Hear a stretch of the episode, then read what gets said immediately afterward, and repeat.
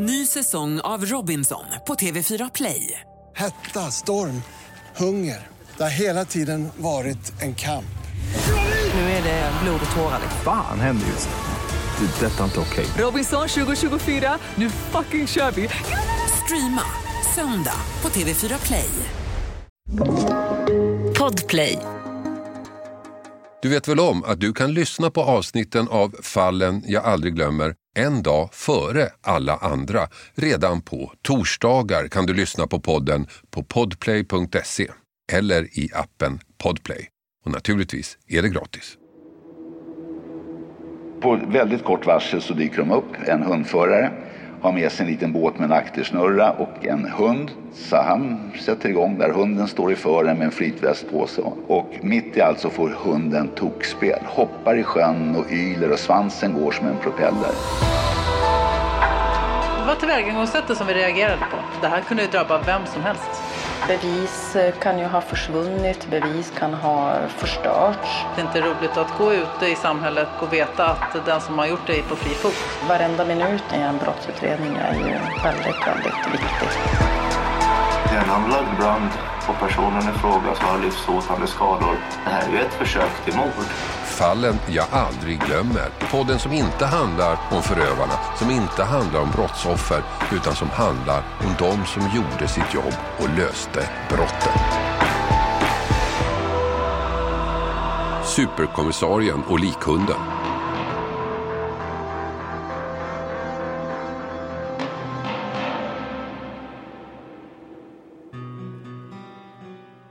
Han kallas 22-0 poliskommissarie Bosse Åström för att han har löst 22 mord på raken. Jag vet inte om den siffran är sann, men en mycket kvalificerad utredare, det är han. Vi har haft mycket med varandra att göra genom åren via Efterlyst, men han har också varit med i en del andra tv-produktioner, bland annat Svenska mord för FBI som gick på TV4 och Rönnesfallet som nyligen gick på kanal 5.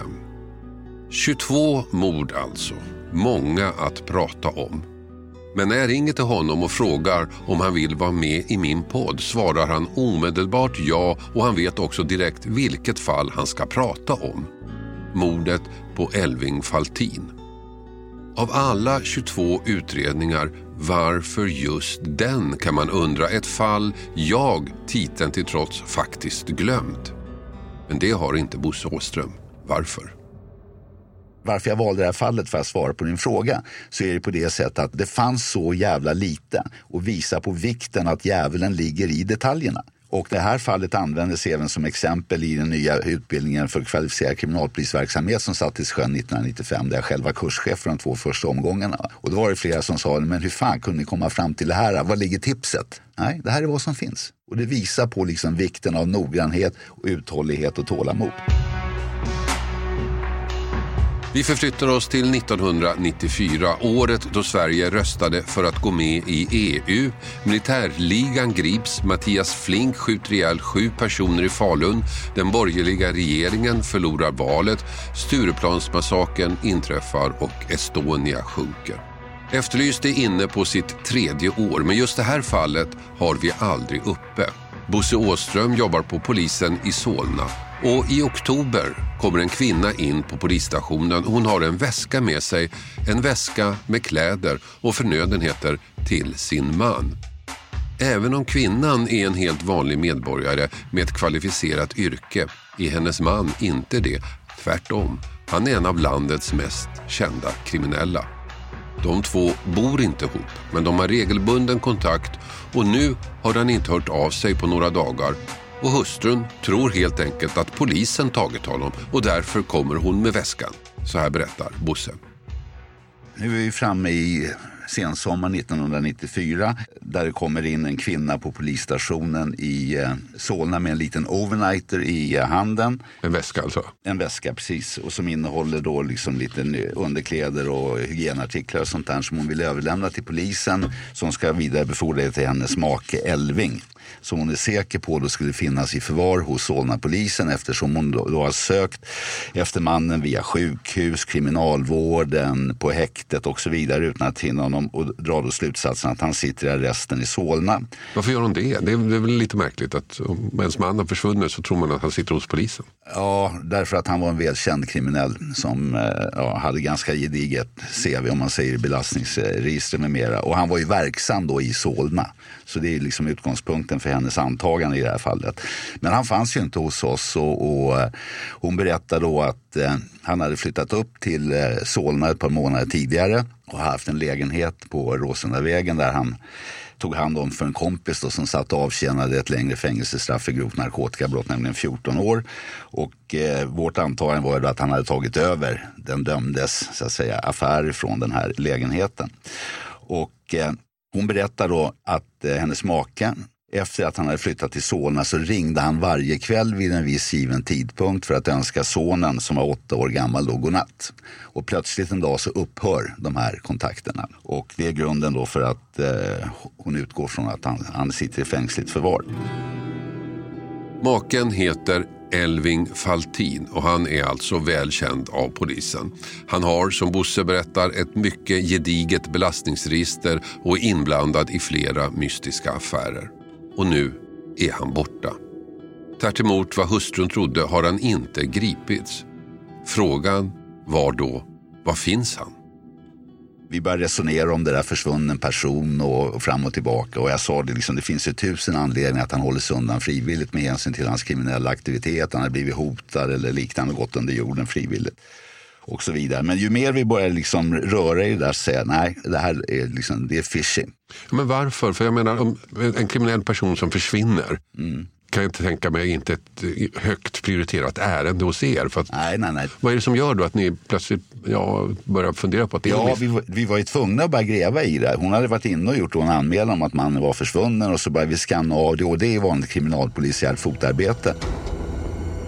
Ja, det är alltså med en viss tveksamhet som utredningen drar igång. Med tanke på den försvunnas livsstil så finns det som sagt många skäl att tro att han håller sig undan frivilligt. Men Bosse Åströms team jobbar enligt manualen, tar kontakt med alla som känner Faltin och ganska snart blir det napp. Ett vittne vars uppgifter inte bara stärker teorin om att något faktiskt hänt med den försvunne.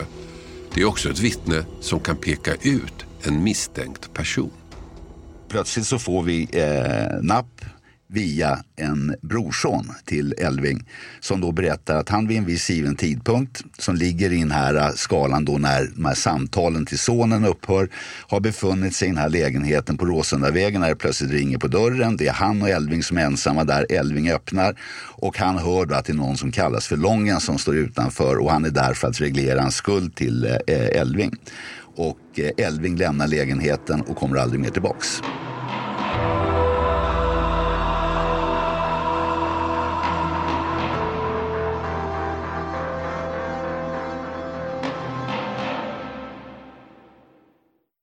Den här veckan har vi ett betalt samarbete med Hello Fresh. Världens ledande leverantör av matkassar hem till dig.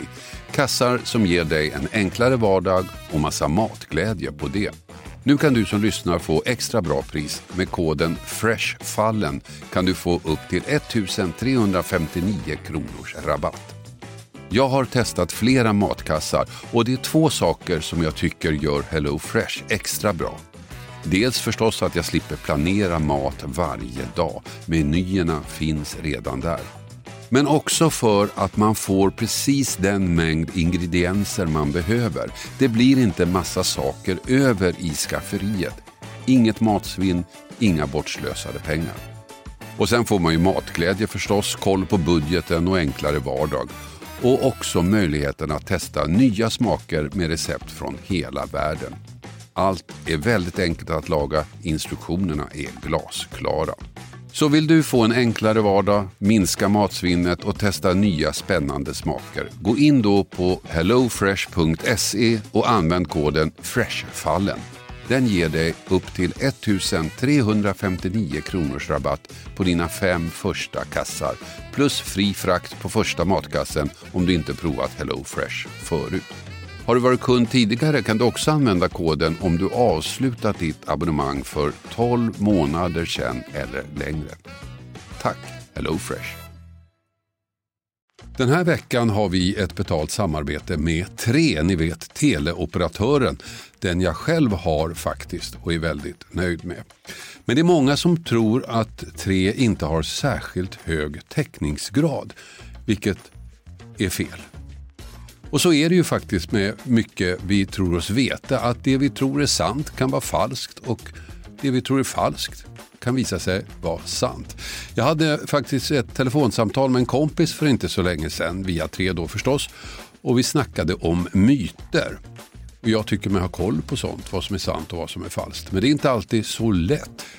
Till exempel berättade min kompis, ni vet om myten att svalor flyger lägre när det ska bli dåligt väder. Falskt sa jag, men det visade sig vara helt sant. Och så det här att man, om man duschar varmt på sommaren så blir man svalare.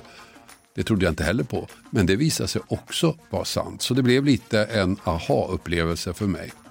Men så pratar vi om vår gemensamma operatör. Ja, de har ju väldigt bra täckning, sa han. Och där visste jag att han har rätt. Han visste att tre har byggt ut och nu har väldigt stor täckning. Men det är inte alla som vet. Och ibland är det inte riktigt som man tror. Sanningen är att tre nu täcker otroliga 99,3 procent av Sveriges befolkning och det avser rösttäckning baserat på folkbokföringsadress. Så läs mer på 3.se om hur de bygger ut sitt nät och täckning. Tack 3. Ny säsong av Robinson på TV4 Play. Hetta, storm, hunger. Det har hela tiden varit en kamp. Nu är det blod och tårar. Fan händer just nu. Det. är Detta är inte okej. Robinson 2024, nu fucking kör vi!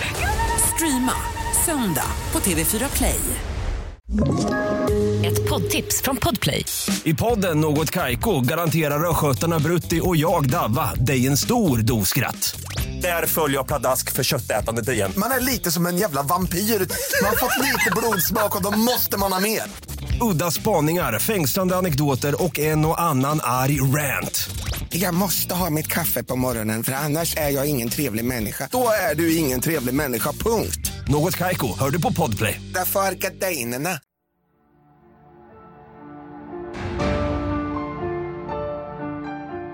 här blir det första genombrottet i utredningen.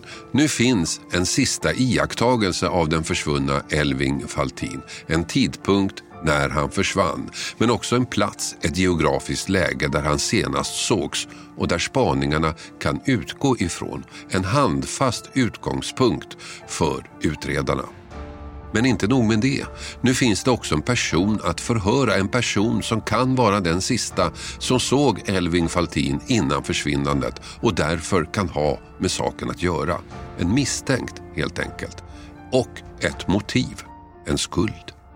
Vi plockar in den här eh, Lången och eh, håller förhör med honom och han vidgår att han har varit i lägenheten vid den här tidpunkten. Han har ringt på, Elving har följt med ner till eh, bilen, han har överlämnat pengarna, cirka 300 000 kronor och eh, frågat Elving om han ville hänga med in. På den tiden var, hade vi Vattenfestivalen i Stockholm han ville hänga på till festivalområdet och Elving hade sagt ja det kan jag göra men jag måste upp och byta byxor. Han hade på sig ett par träningsoverallsbrallor enligt eh, Långens uppgifter. Lången väntar i eh, 20 minuter och sen säger han nej, han ändrar sig och så åker han iväg, parkerar bilen vid Norra station och sen rör han sig i festivalområdet under kvällen och Eh, de sena kvällstimmarna. Och senare på natten, tidig morgon, så eh, dyker han upp då på en svartklubb i Vasastan som han av naturliga skäl inte vill tala om var den ligger eller, eller liknande. Och sen så eh, på morgontimmarna så tar han sig tillbaka till Norra station, hoppar in i bilen och ringer ett samtal till hustrun och säger nu är jag på väg hem. Och hustrun var en välbeställd kvinna, de bodde i en villa i, i Djursholm. Och eh, that's it, där slutade hans historia. Lången, som han kallades, var också en känd person hos polisen. Också han var inblandad i skumma affärer och uppenbarligen i något slags samröre med Faltin eftersom Lången medger att det fanns en skuld att betala. En skuld på 300 000 kronor. För 27 år sedan kanske ett belopp stort nog att utgöra motiv för mord. Hans berättelse är ju faktiskt ganska detaljerad. Han har rört sig runt om i Stockholms uteliv men han kan inte namnge en enda person han har träffat som skulle kunna styrka hans berättelser. Han har heller inga konkreta bevis på att han faktiskt var i Stockholm den natten. Det finns bara en enda konkret detalj. Telefonsamtalet. Det som han säger sig ringa till sin fru. Något som faktiskt gick att kontrollera. Ja, hon bekräftade att hon fått det. Och ja, det syntes på telefonen att han ringt samtalet vid den tidpunkt han och hustrun påstod. Men 1994 kanske kunskapen om mobiltelefontrafik inte var så stor i de kriminella kretsarna. För vad Lången förmodligen inte fattade var att polisen inte bara kunde kolla när ett samtal har ringts utan också varifrån. Och det här blev nästa genombrott för utredarna. Det enda vi kunde kolla då det var det här telefonsamtalet och det hade mycket riktigt ringts klockan 06.30 på morgonen men han befann sig fasen inte i eh, några stationsområde utan det är en sändare i Läppe som är en ort som ligger på Hjälmarens eh, södra strand som hade gått upp. Och den här masten hade en täckning på ungefär tre mils radien. Nej, Lången hade inte ringt sin hustru från Stockholm. Samtalet kopplades alltså upp på en mast i en by vid Hjälmaren, närmare 20 mil från Solna, från den plats där Faltin senast sågs vid liv. Inte längre bort än att Lången skulle hinna köra fram och tillbaka över natten för att till exempel dumpa ett lik. Så den här platsen blev förstås högintressant. Och då började det här fotarbetet, kriminalpolisiära fotarbetet grundligt och noggrant. Och då gick vi vidare, kollade alla fastigheter som låg inom den här tremilsradien runt eh, vad det gäller Hjälmaren. Och plötsligt efter många, eh, eller flera veckors eh, spaningsarbete där så får vi då napp att eh, Lången och hans familj hade i juni månad 94 hyrt ett torp så sa okej, okay, där har vi en koppling i alla fall. En relation mellan då vad det gäller den potentiella gärningsmannen och ett ställe där man kan ha gjort sig av med, med det här liket. Han kände till stället alltså? Ja, de hade varit där en månad på juni månad och så vidare. Så att, eh, vi åker ner, jag tar med mig chefsåklagaren Thomas Lindstrand och vi åker ner, upp, besöker den här fastigheten samtidigt som jag tar ner ett 20-tal spanare och utredare som börjar med dörrknackningar och marksök med hundar och allt det där som man gör vant. Och tekniker var nere senare eh, för bottenundersökningar. Bosse Åström misstänker alltså att Lången mördat Faltin och på något sätt gjort sig av med kroppen i närheten av den plats där han under sommaren hyrt en stuga. En plats han alltså kände till. Och nu dras den stora sökinsatsen igång förstås. När vi kommer till den här fastigheten kan man konstatera att det är ett litet torp och så finns det ett sjöviste, en sjöbod eller båthus eller liknande. Från det här båthuset ner till strandkanten, Hjälmaren, så är det ungefär 50 centimeter högt gräs som vid den här tidpunkten och nu är vi alltså tidig höst 1994. Att gräs har vuxit så mycket om ingen har varit där sedan juni månad. Och det gräset från eh, sjövistet och ner till strandkanten det är liksom nertryckt, nerpressat. Och nere vid strandkanten så finns det ett helavtryck, ett skoavtryck i leran. Och eh, i det här sjövistet så fanns det bland annat en aluminiumbåt och då tar vi dit ägaren till det här stället och vallar honom på platsen och hör de närmare omständigheterna, vem det var som hade hyrt i juni månad och hur många de var i familjen och så vidare. Och så vidare. Och så kommer vi till det här sjövistet då. Då frågar jag, ingick den här båten i vad det gäller hyran? Nej, nej, nej, sa han. Jag talade om för dem att den här får ni inte använda för den saknar flytblock. Åker ni ut och vurpar med den här så går båten till botten och kanske eh, eh, även ni. Och så i alla fall så sa ja men titta runt om det är någonting du saknar eller liknande. Och så tittar han och säger så här, fan jag hade ett stort skruvstäd som stod på den här bänken. Och där ser man då såna här intryckningar från man kan säga fyra fötter, eh, cirkulära nedtryckningar. Och sen säger han då, fan jag saknar en kabelvinda som stod här i hörnan. Och eh, då bara tittar jag på Thomas och säger han ligger där ute. En båt att forsla ut ett lik med, ett skruvstäd att sänka en kropp med, en kabelvinda att binda med. Bosse är säker. Kroppen är sänkt i vattnet. Så här i efterhand kanske ett rimligt antagande, men just då ganska vagt faktiskt. För det enda Bosse Åström och hans team egentligen har är ett telefonsamtal ringt från den här platsen men hur kan han vara så säker på att den försvunne ett är död, två är mördad, tre ligger i sjön? Det finns flera aspekter på det. Det ena är att han aldrig återkom till lägenheten.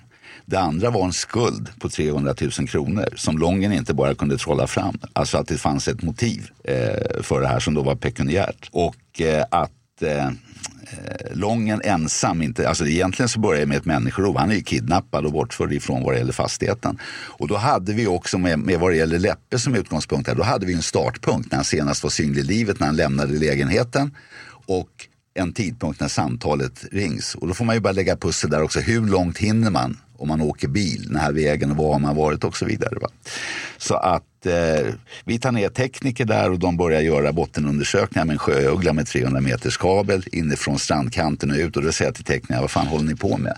Man sänker ju inte en kropp direkt utanför liksom bryggkanten utan han ligger där man tror att sjön är djupast. Och så ritar jag då ett, ett litet kryss på ett sjökort där och så vidare. Och så säger då eh, chefen då för tekniska roten att ja, men fan, vi har ingen båt. Ja, men skaffa en båt och det är inte svårare än så. Letandet drar ut på tiden. Teamet håller på dag efter dag, vecka läggs till vecka men inga fynd görs. Till slut börjar missmodet lägra sig. Hur länge är det rimligt att söka egentligen? Det intressanta i det här sammanhanget också det är det att i lokalpressen där nere i Nerikes Allehanda bland annat. Va, då, första perioden där då är vi liksom hjältar. Kungens pojkar har kommit, titta vilka resurser och så vidare. De låg på hotell där med traktamenten och allting. Och sen period två då börjar man ifrågasätta. Vad fan det händer ju ingenting. Vad håller de på med? Och så perioden tre då var liksom så här att det här är ju skattepengar och så blev det liksom ganska kritiska röster. Och den här kritiken sprider sig. Sökinsatsen är kostsam men den har inte gett några som helst resultat. Hur länge kan de hålla på? Inte så länge till ska det visa sig. I den här tredje perioden får jag ett samtal ifrån var polischefen i eh, Solna, polismästaren och så säger han till mig då att eh, jag är nerringd av, av massmedia, journalister, de ifrågasätter både ena och det andra. Va? Så du får 24 timmar på dig, sen blåser jag av det här. Ny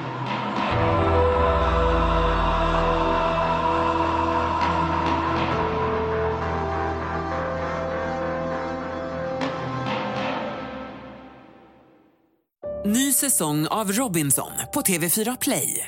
Hetta, storm, hunger. Det har hela tiden varit en kamp.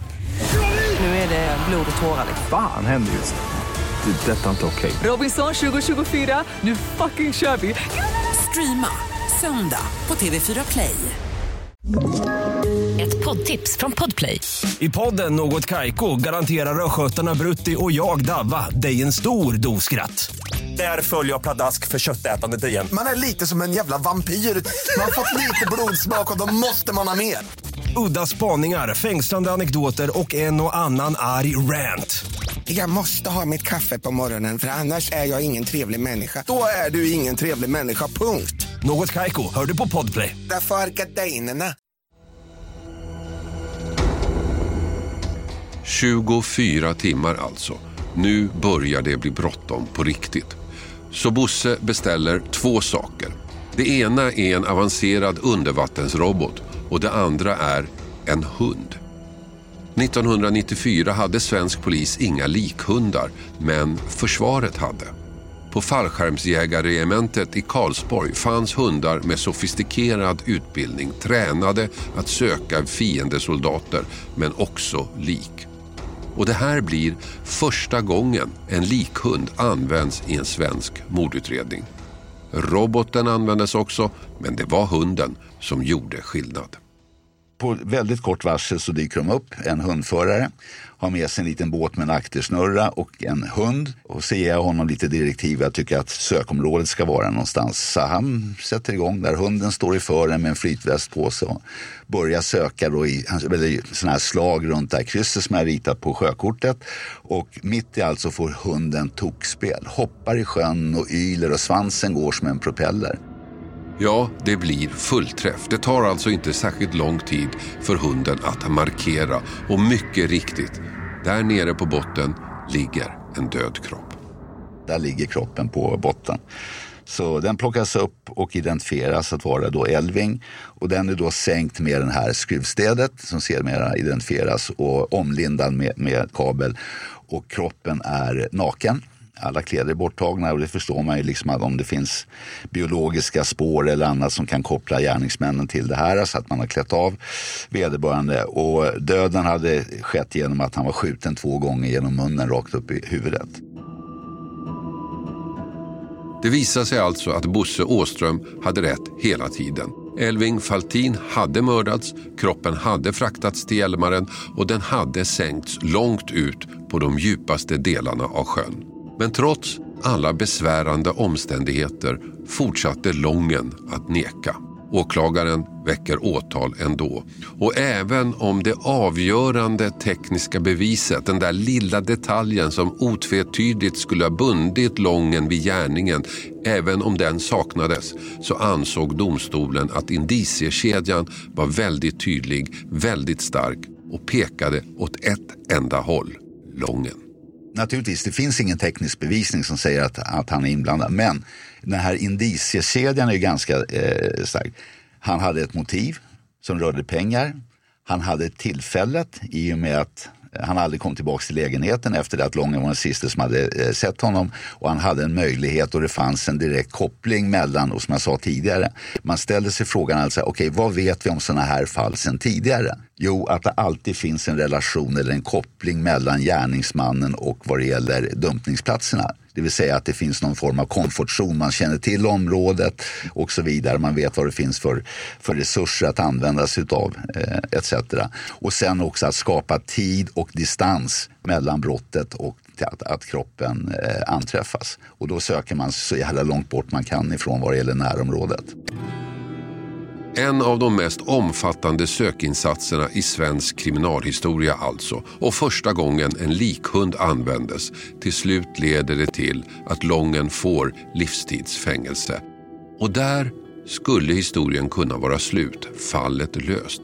Men det tror inte Bosse Åström. Visst, han är övertygad om att Lången mördade Elving Faltin, men det finns ett men. Bosse tror inte att Lången var ensam. Det fanns ytterligare en person som var inblandad. En person som Bosse tror sig veta vem det är.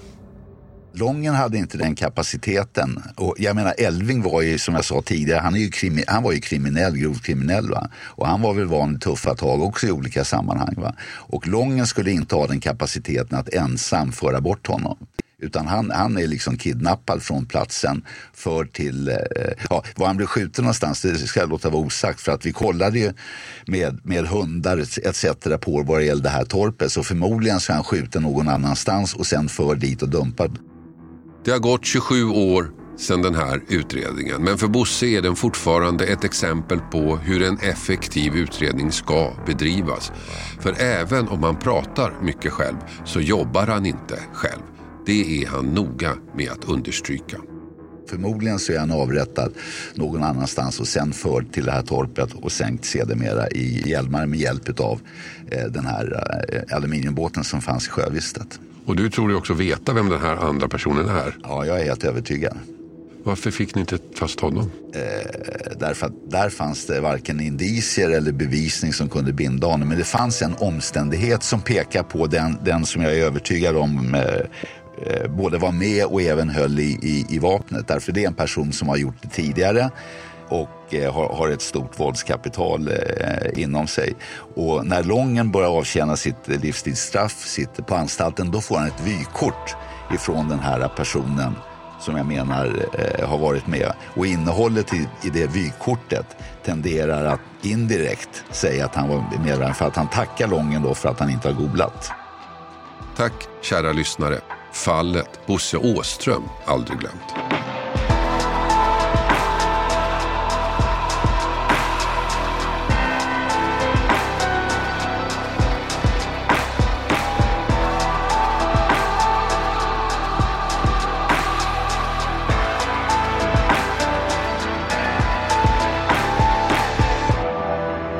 Du har hört podden Fallen jag aldrig glömmer Klippning David Davva Persson. Och jag heter Hasse Aro. Du vet väl om att du kan lyssna på avsnitten av Fallen jag aldrig glömmer en dag före alla andra. Redan på torsdagar kan du lyssna på podden på podplay.se eller i appen Podplay. Och naturligtvis är det gratis. Podplay. Ny säsong av Robinson på TV4 Play. Hetta, storm, hunger. Det har hela tiden varit en kamp. Nu är det blod och tårar. Fan händer just nu. Det. är Detta är inte okej. Robinson 2024, nu fucking kör vi! Streama söndag på TV4 Play.